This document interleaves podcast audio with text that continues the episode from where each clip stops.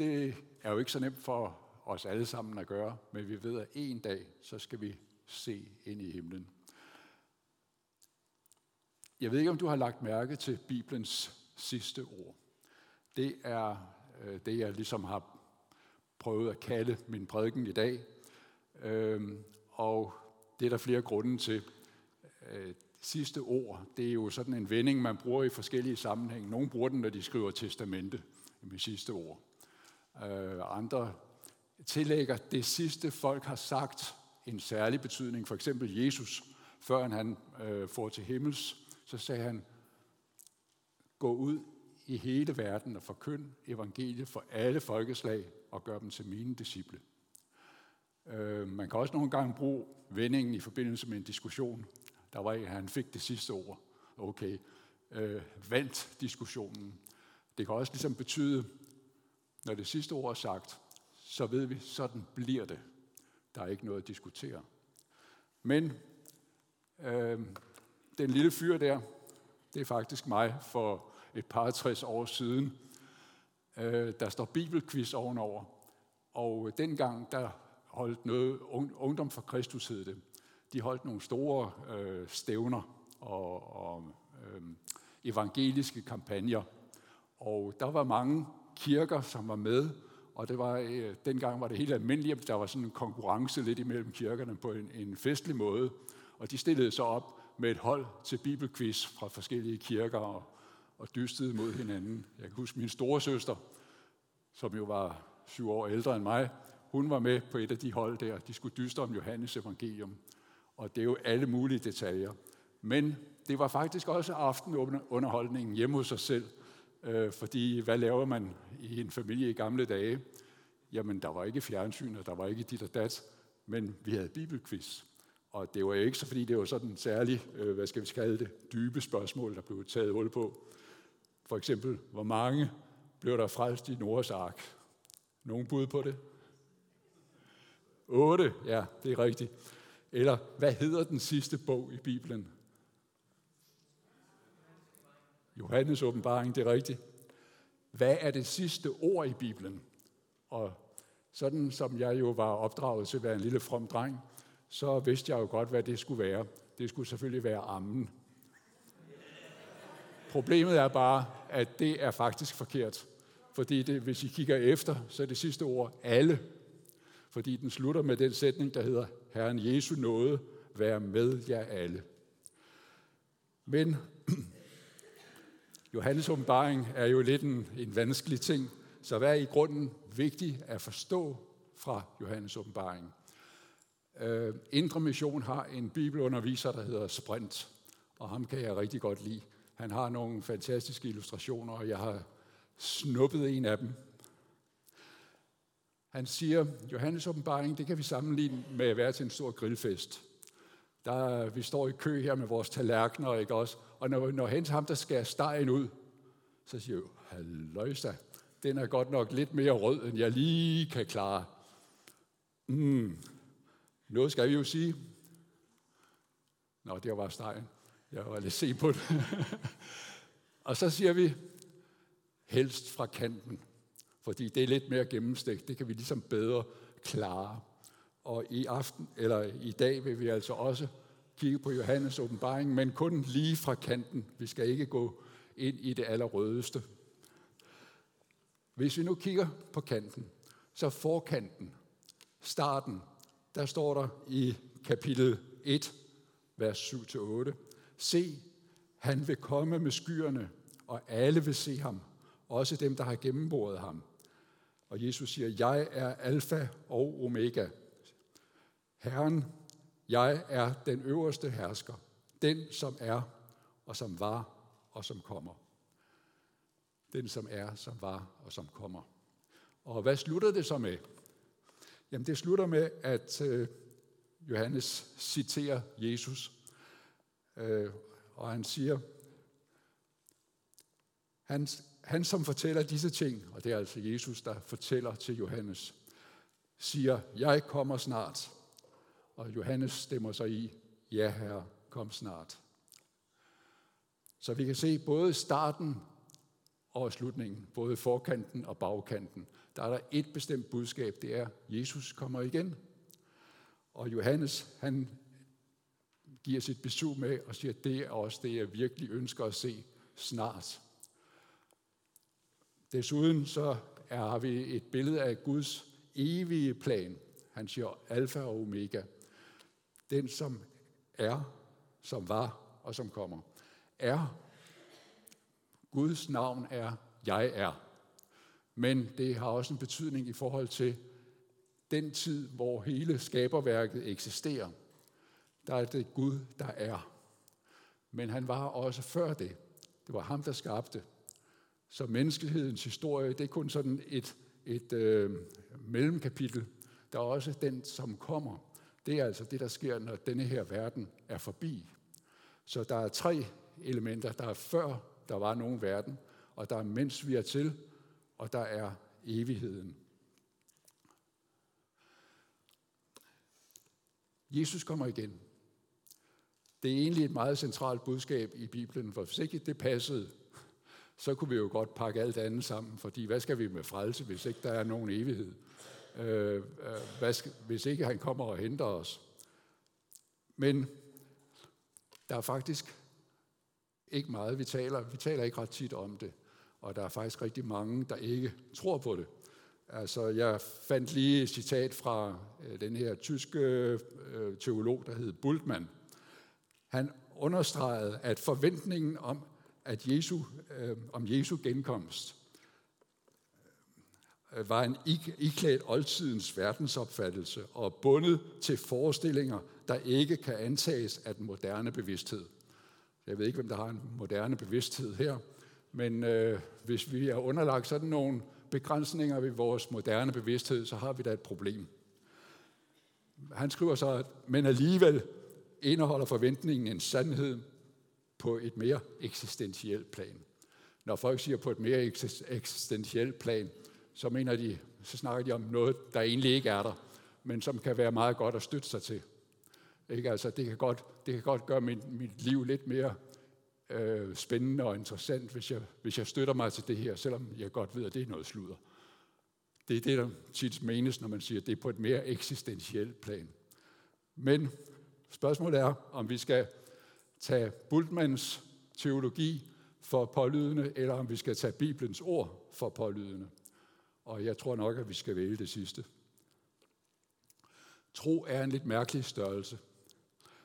Oppe i Aalborg, hvor min søn og svigerdatter, eller en af dem, bor, øh, der har de haft en masse indbrud i det her område, hvor de bor. Og de er næsten sikre på, at det kunne blive deres hus næste gang. Så de har fået installeret alarmer og alt muligt. Det er jo en form for tro. Ja, jeg tror godt, det kunne blive vores hus næste gang. Det vil sige, det er en tro, som ender med frygt. Hvis nu man ringer 112, jeg har ikke prøvet det, men øh, jeg har da i hvert fald en forventning om, at så vil der komme nogen og hjælpe. Øh, så det er også en slags tro. Det er en tro, som vi kunne kalde, den springer ud af panik. Det kunne også være, at vi skulle en tur til København eller sådan noget. Jeg skal ikke øh, gå ind på, hvad vi ville derovre, men Men i hvert fald, så vil vi nok stille os ned på øh, banegården ved DSB og øh, sige, der står i køreplanen, der skulle komme et tog. Det regner jeg med, selvom det er DSB. og det er en form for tillid. Tro, der fører til tillid. Det var straks lidt bedre. Men der er faktisk en mulighed mere. Det er øh, den tro, som Abraham havde. Hvad var der med den tro? Det var en tro, som var... Oh, så, det gik for stærkt. Det var en tro med håb imod håb. Altså han havde fået nogle løfter fra Gud, og der gik den ene dag efter den anden, og det skete ikke. Men han holdt fast i troen.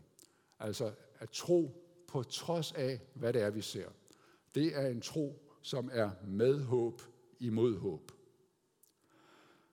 Troskriser, Det kan godt nogle gange være ved at vælte os af pinden. Jeg havde noget, der mindede om sådan en lige for nylig. Øh, det skal jeg komme lidt nærmere ind på og, om lidt. Øh, men lad os slå fast, at det med Jesu genkomst, det er et faktum i Bibelen, som bliver nævnt igen og igen og igen. Og jeg har samlet en håndfuld skriftsteder, der handler praktisk taget om det samme, men i forskellige kontekst. Jesus sagde det selv. Meget tit var det jo i form af lignelser. Der er, vi kan finde de første 10 lignelser, som egentlig handler om, der er en dag, hvor tingene bliver gjort op, jeg kommer tilbage, og så skal I være parat, når jeg kommer. Øhm, spørgsmålet er, er jeg parat? Er du parat? Øhm, se, det her billede, det er noget, øh, der forestiller et motto, vi havde i Apostolsk Kirke engang. Øh, cirka 1960, jeg er ikke sikker på, om det er helt rigtigt årstal, jeg har sat på. Øh, der var jeg jo en lille dreng, der boede i Hillerød, og kom til rigtig mange møder, fordi min far jo var menighedsforstander og så videre, så jeg var tvangsindlagt hver gang. og vi havde en, øh, jeg havde en, en kammerat, hvis far øh, også kom i kirken en gang imellem, ikke så tit. Han hed Tage Christensen. Øh, og en dag, der sad han så, jeg ved det, fordi han har selv fortalt det i et vidnesbyrd, fordi det blev et vendepunkt for ham. Der sad han der i kirken søndag aften og småkædede sig. Og så kiggede han op på det der, på det der motto, jeg kommer snart. Hold fast ved det, du har, for ingen skal tage din sejrskrans. Ja, okay. Det havde han læst før. Så sagde han, ah, jeg prøver at læse det, linjerne bagfra. Snart kommer jeg. Har du det ved fasthold tage? Ups, så vågnede han op. Han hed jo Tage. Har du det ved fasthold Tage? Det blev pludselig et budskab til ham. Har du fat i det her? Er du klar, når jeg kommer igen? Så det var et vendepunkt for Tage. Det var det helt bestemt. For når menneskesønnen kommer, så bliver det som lynet, der oplyser himlen fra øst til vest. Det står i Matthæus 25. Ingen kender dagen eller tidspunktet, hvornår det vil ske. Ikke engang Guds engle. End ikke jeg selv, det er Jesus, der taler her. Kun faderen ved det. Det er Matthæus 24. Og så har vi her et andet kendt eksempel, hvor Jesus siger, to mænd vil arbejde sammen i marken. Den ene bliver taget med, den anden ladt tilbage. To kvinder vil arbejde sammen i huset. Den ene bliver taget med, den anden bliver ladt tilbage. Derfor skal I altid være parate, for I ved ikke, hvornår jeres herre kommer tilbage. Det er jo en af de barske citater, fordi vi kan jo ikke lade være at tænke på, kunne det passe på os på en eller anden måde? Er, er, vi, er vi dem, der bliver taget med, eller er vi dem, der bliver ladt tilbage? Og det, som vi kan se her, så er det ikke noget med, om man kender hinanden, om man kommer i den samme menighed, eller sådan nogle ting. Det er noget helt andet, der er afgørende. Her har vi lige et par hjælpere, frivillige hjælpere, nede i Pastor Kabashes øh, hospice i Sydafrika.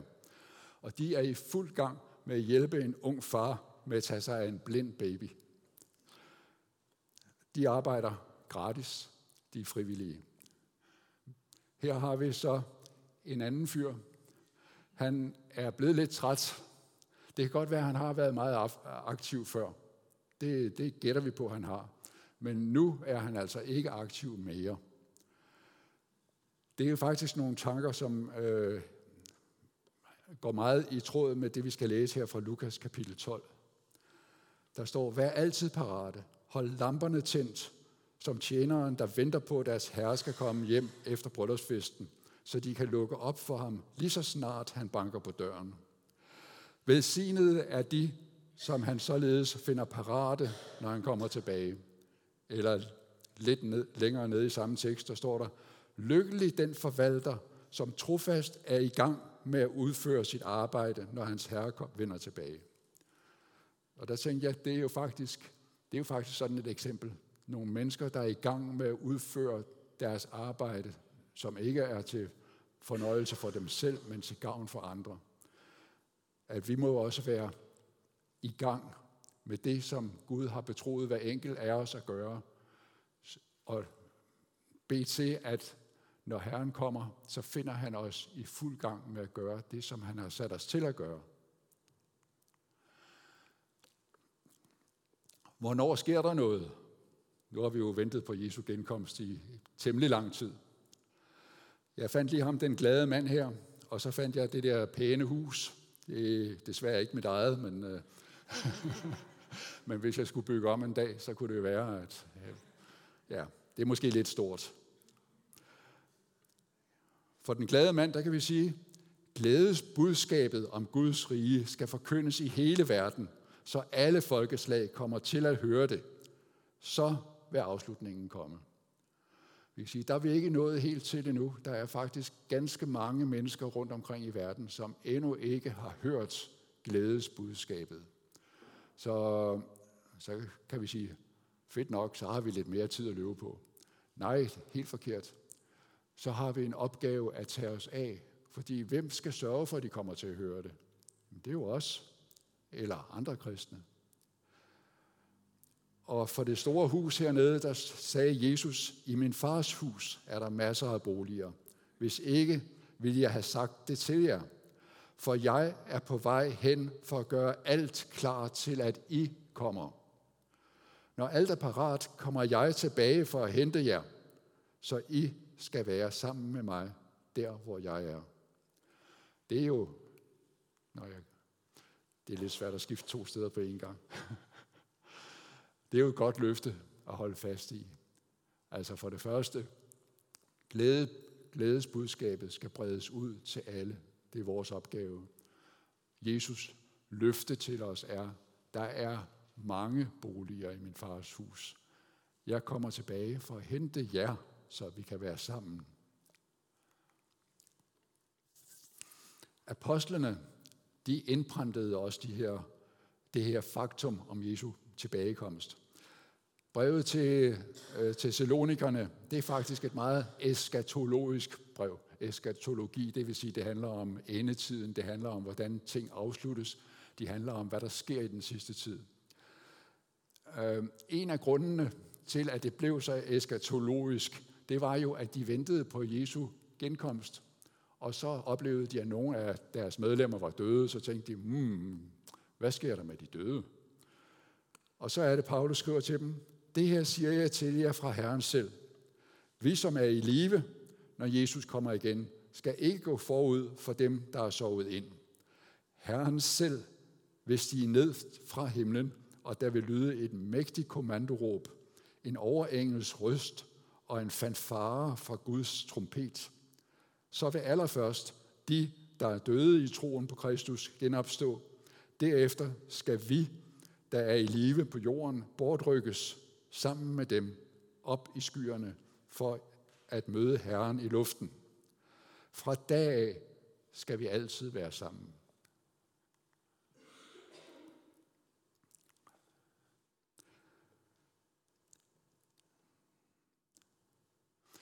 Vi kan sige, at det, som bliver understreget i det her citat, er forudsætningen af frelse. Derefter er der enten en opstandelse, hvis man allerede er gået bort inden, eller en forvandling, hvis man stadig er i live på det tidspunkt, hvor Jesus kommer igen. Og så sker bortrykkelsen, og så skal vi altid være sammen med ham.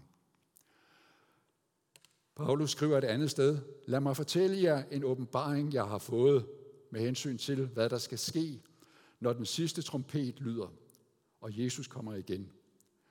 Vi skal ikke alle sove ind, men vi skal alle få et nyt lægeme. Det vil, det vil ske i et nu, i et øjeblik, når trompeten lyder, vil alle de døde kristne opstå med nye, uforgængelige lægemer. Og vi andre, som stadig er til, øh, lever, vil blive totalt forvandlet.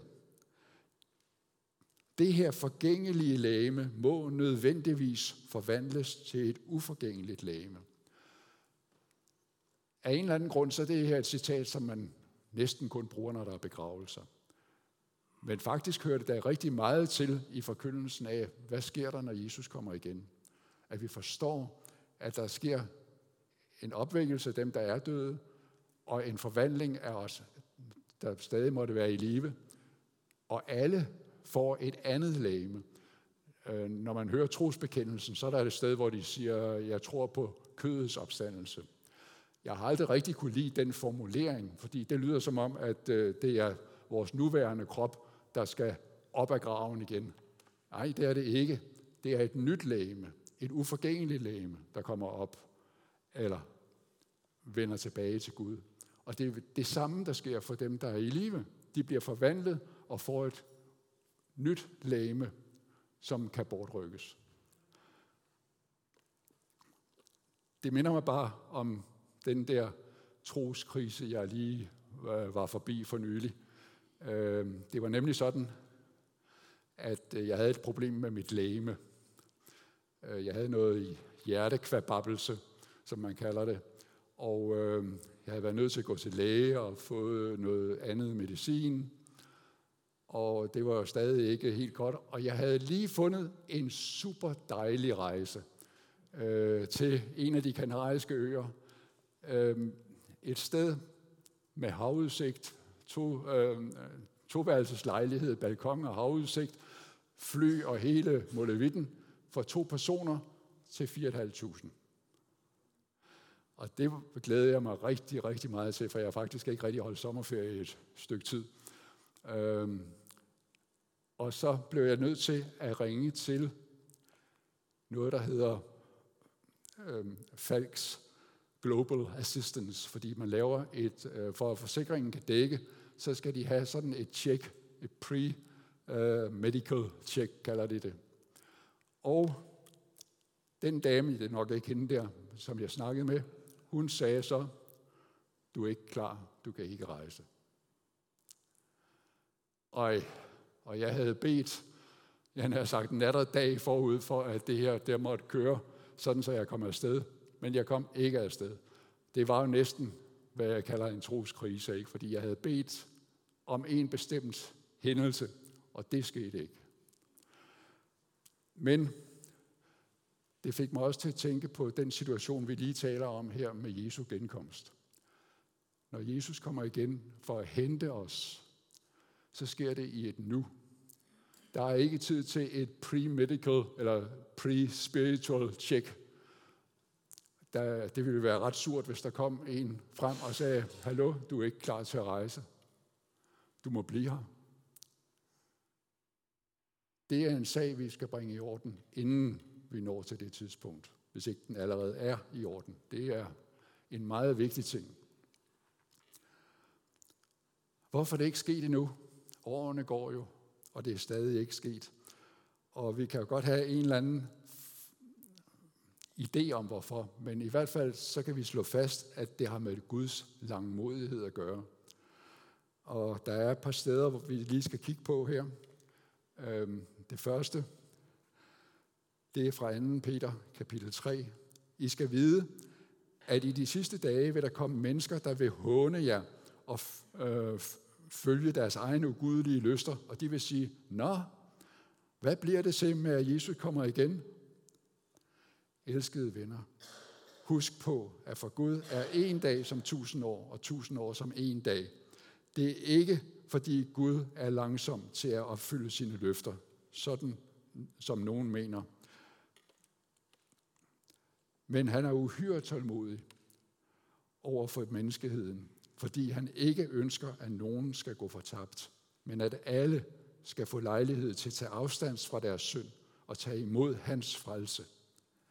Herrens dag kommer. Den kommer lige så uventet som en tyv om natten. Nu så vi jo, at en tyv om natten, det kunne minde nogen i Aalborg om frygt. Øh, det er ikke den følelse, vi skal have øh, der er et lidt frygtsomt menneske her, og vi kan også godt blive fyldt med frygt, hvis vi er i tvivl om vores egen status. Jeg kan huske også, da jeg var barn, nogle gange øh, var jeg hjemme øh, lagt i seng, inden mine forældre gik til møde om aftenen. Og øh, der blev talt meget om Jesu genkomst på det tidspunkt, om at være klar, om at være med. Og hvis det så trak ud, inden de kom tilbage, så kunne jeg faktisk godt blive rigtig nervøs for, at de var blevet bortrykket, og jeg var ladt tilbage.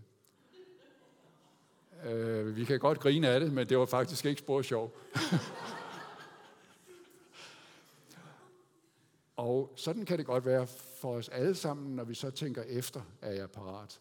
Men jeg tror, det er vigtigt at slå fast, at bortrykkelsen er ikke noget, vi skal frygte. Det er noget, vi skal glæde os til.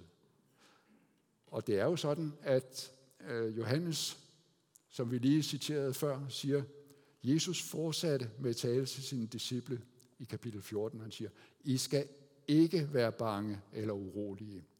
I tror på Gud, tro også på mig. I min fars hus er der masser af boliger. Hvis ikke det var sådan, ville jeg have sagt det til jer. Jeg er på vej hen for at gøre alt klar til I kommer.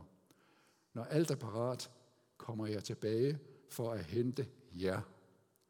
Så skal vi altid, så I skal altid være sammen med mig, der hvor jeg er. Det er det løfte, som Jesus giver til os. Og han siger, I skal ikke være nervøse. Hvis i tror på Gud, og I tror på mig, så gælder det her. Så har I en plads beredt, og jeg kommer tilbage, når den er klar for at hente jer.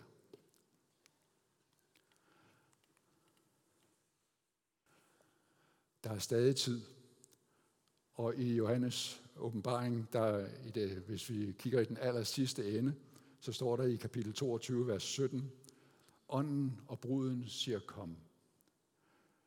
Lad dem, som hører det, sige kom. Hvad er det for et kom? Ånden, ja, det er Guds ånd. Bruden, det er et billede på menigheden på jorden. Så det er altså både himlen og det er menigheden på jorden, der siger kom. Men hvem siger vi kom til? Til dem, som endnu ikke er kommet ind i Guds rige. Til dem, som vi skal evangelisere. Til dem, vi skal give de gode nyheder. Det siger vi kom.